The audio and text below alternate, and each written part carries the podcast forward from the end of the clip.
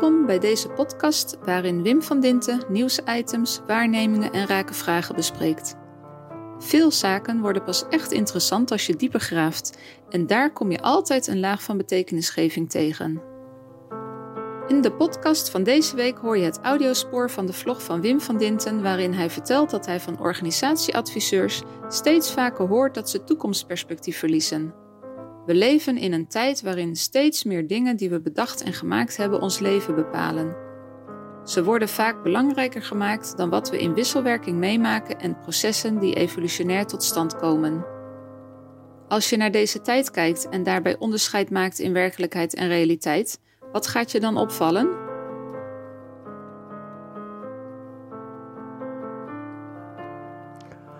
Ja, ik loop al een post met de idee rond om elke week een vlog te maken. En die zou dan moeten gaan over wat we wekelijks kunnen overzien en meemaken, maar dan uitgedrukt in betekenisgeving. Dat is niet raar of zo, omdat we in het tweede kwartaal volgend jaar een boek willen uitbrengen waarvan we de titel nog niet vrijgeven, maar dat daar wel over gaat.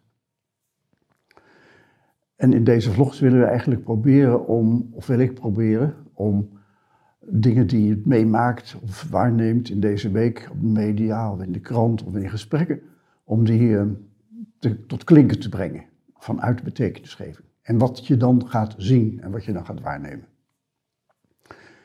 Nou, deze week stond ik bijvoorbeeld voor een groep organisatieadviseurs. En meestal begin ik dan en ook daar met de vraag van, nou, wat houdt jullie het meest bezig? En wat voor probleem kom je het meest tegen? Dan denk je, nou, die komen met problemen van organisaties, maar dat was niet het geval. Ik denk dat de lijn die men vertelde was, het is een angstige tijd en we weten niet hoe het zit, uh, maar dat houdt ons bezig en we verliezen toekomstperspectief. En iemand zei, ja, we zijn op de route naar extinctie. Uh, maar we zien absoluut niet hoe we eraf kunnen komen. Integendeel, het wordt alleen maar erger.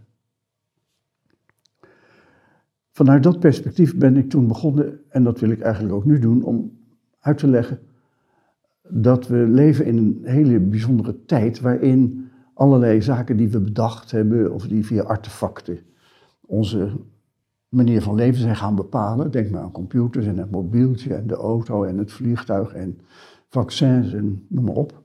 Dat je die um, als het ware dominant maakt ten opzichte van dat wat je in wisselwerking in de wereld meemaakt. En hoe je daar dan tegenover staat. Zo'n COVID-epidemie is dan natuurlijk ontstaan in wisselwerking, waarin allerlei evoluties ontstaan. En die je dan heel nadrukkelijk in de realiteit drukken. Nou, wij hebben in Nederland daar twee woorden voor. Het woord werkelijkheid en het woord realiteit.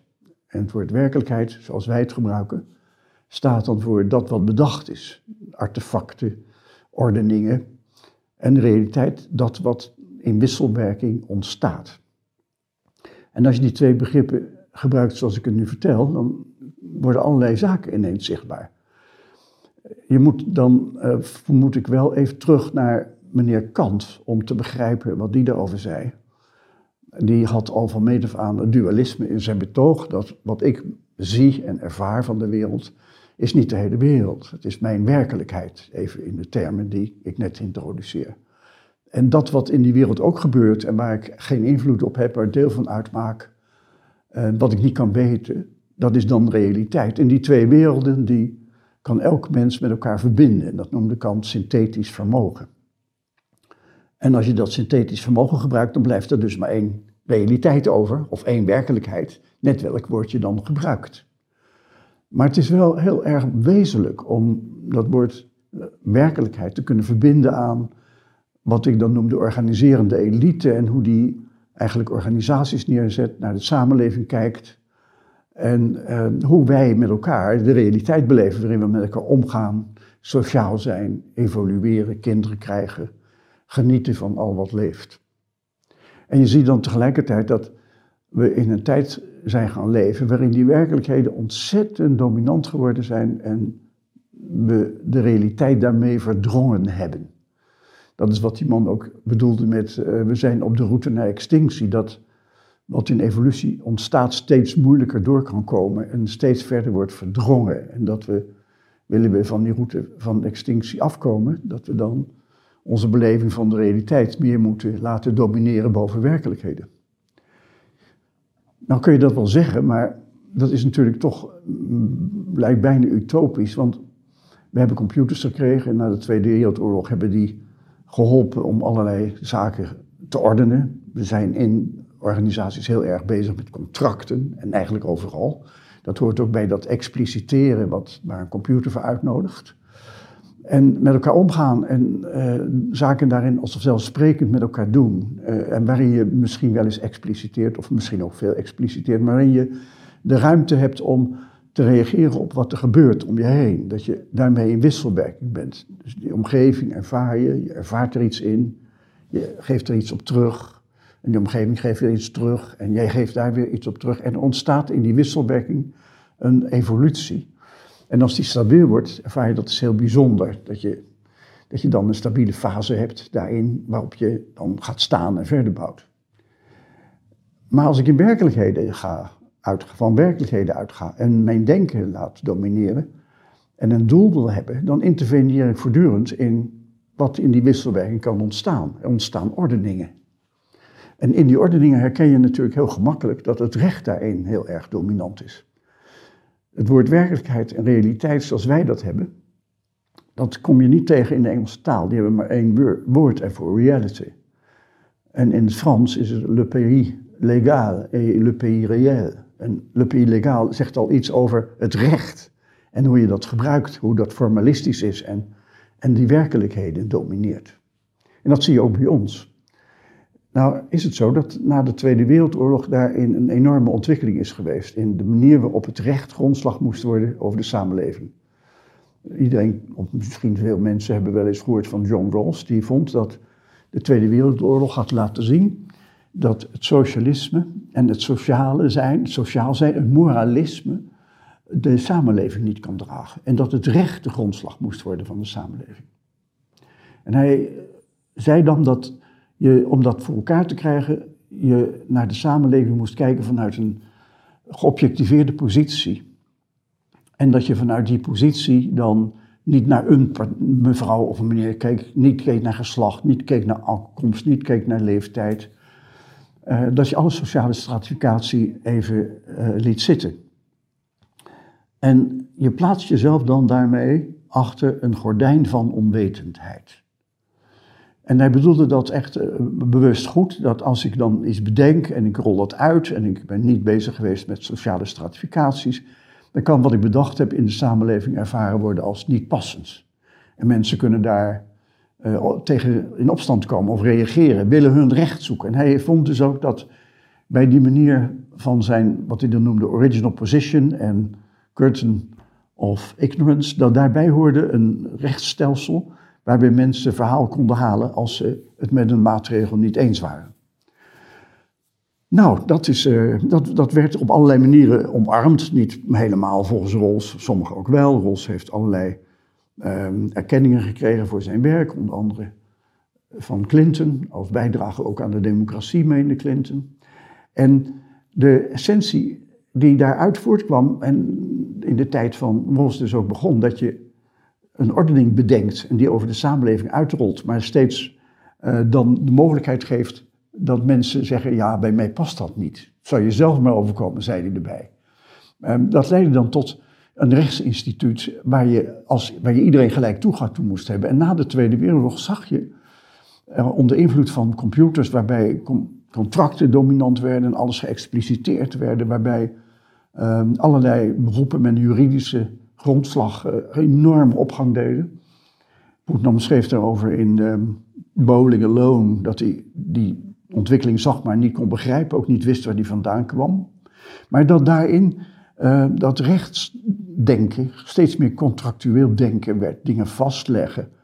En op enig moment, als je dan zover bent dat je ook met systemen, computersystemen, die regels kunt vastleggen en over de samenleving uitstort, ja, dan blijft even over de vraag of die samenleving, de mensen die het overkomt, dan nog kans krijgen om bij die rechte verhaal te houden. En je zag toen twee dingen ontstaan, eind vorige eeuw. dat er steeds meer formeel recht kwam. Politie vonden dat een afwijking, dat er al gauw een regel moest, voor moest komen die in wet werd vastgelegd. En de rechter steeds meer ook die regels ging volgen.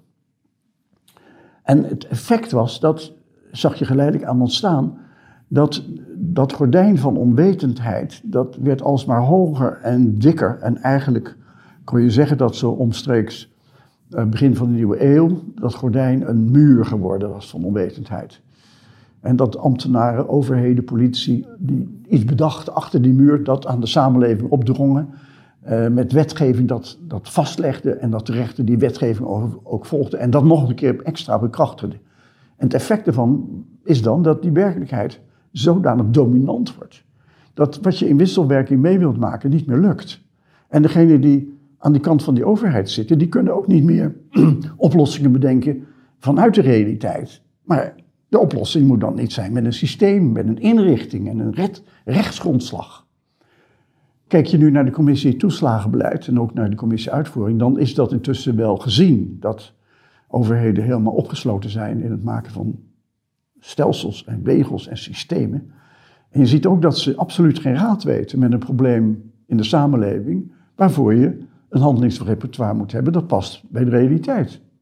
Dus als mensen in het toeslagenbeleid uh, herkend zijn en erkend zijn dat ze uh, met geweld zijn mishandeld, en dat ook de bedragen grofweg niet vaststaan, maar wel globaal bekend zijn, dan zie je dat het geld geven aan die mensen op een muur stuit van verzet, van, van onkunde. Men kan alleen maar denken in stelsels waarin het gedefinieerd moet zijn. En daarmee kan men wel zeggen, het is erg wat die mensen is overkomen. We vinden het vreselijk, het is onvriendelijk. Maar je ziet niet dat er een handelingsrepertoire tot stand komt waarin je dat kunt herkennen. Nou neem ik dat voorstel, voorbeeld van toeslagenaffaire. Maar wie naar DBC's kijkt en hoe die gebruikt worden in de zorg, of hoe je kijkt naar passend onderwijs en hoe daar systemen worden opgedrongen, dan zie je dat dat wat in die toeslagenaffaire zichtbaar werd, in de hele samenleving zit en vooral in organisaties en overheden zichtbaar wordt. En dat mensen ook weten, daarin ligt onze toekomst niet. En in die werkelijkheden, als we daarmee doorgaan, verdringen we steeds verder leven en wat uit evolutie kan ontstaan. En terug naar die organisatieadviseurs. Die herkenden dit.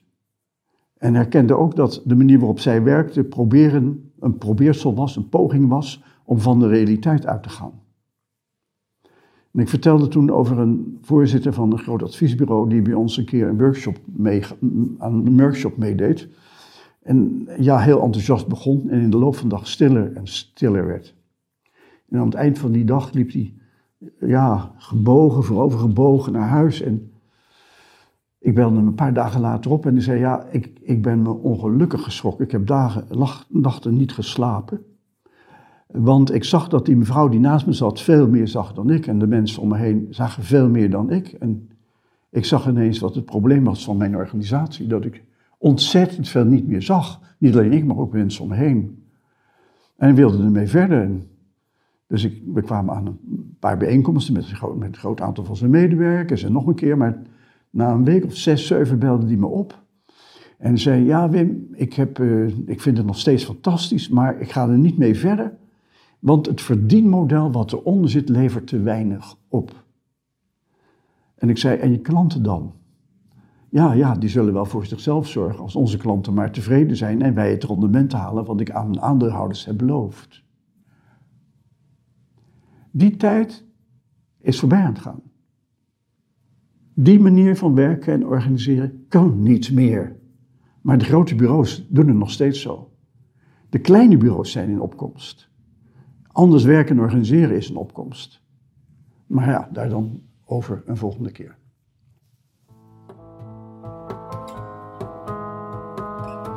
Ben je nieuwsgierig geworden naar de vlog van deze podcast? Klik dan op de link die je vindt in de omschrijving. Kom je iets tegen waar we met elkaar eens grondiger naar moeten kijken? Laat het ons weten. Stuur een berichtje naar czen, of via Facebook, LinkedIn of Twitter.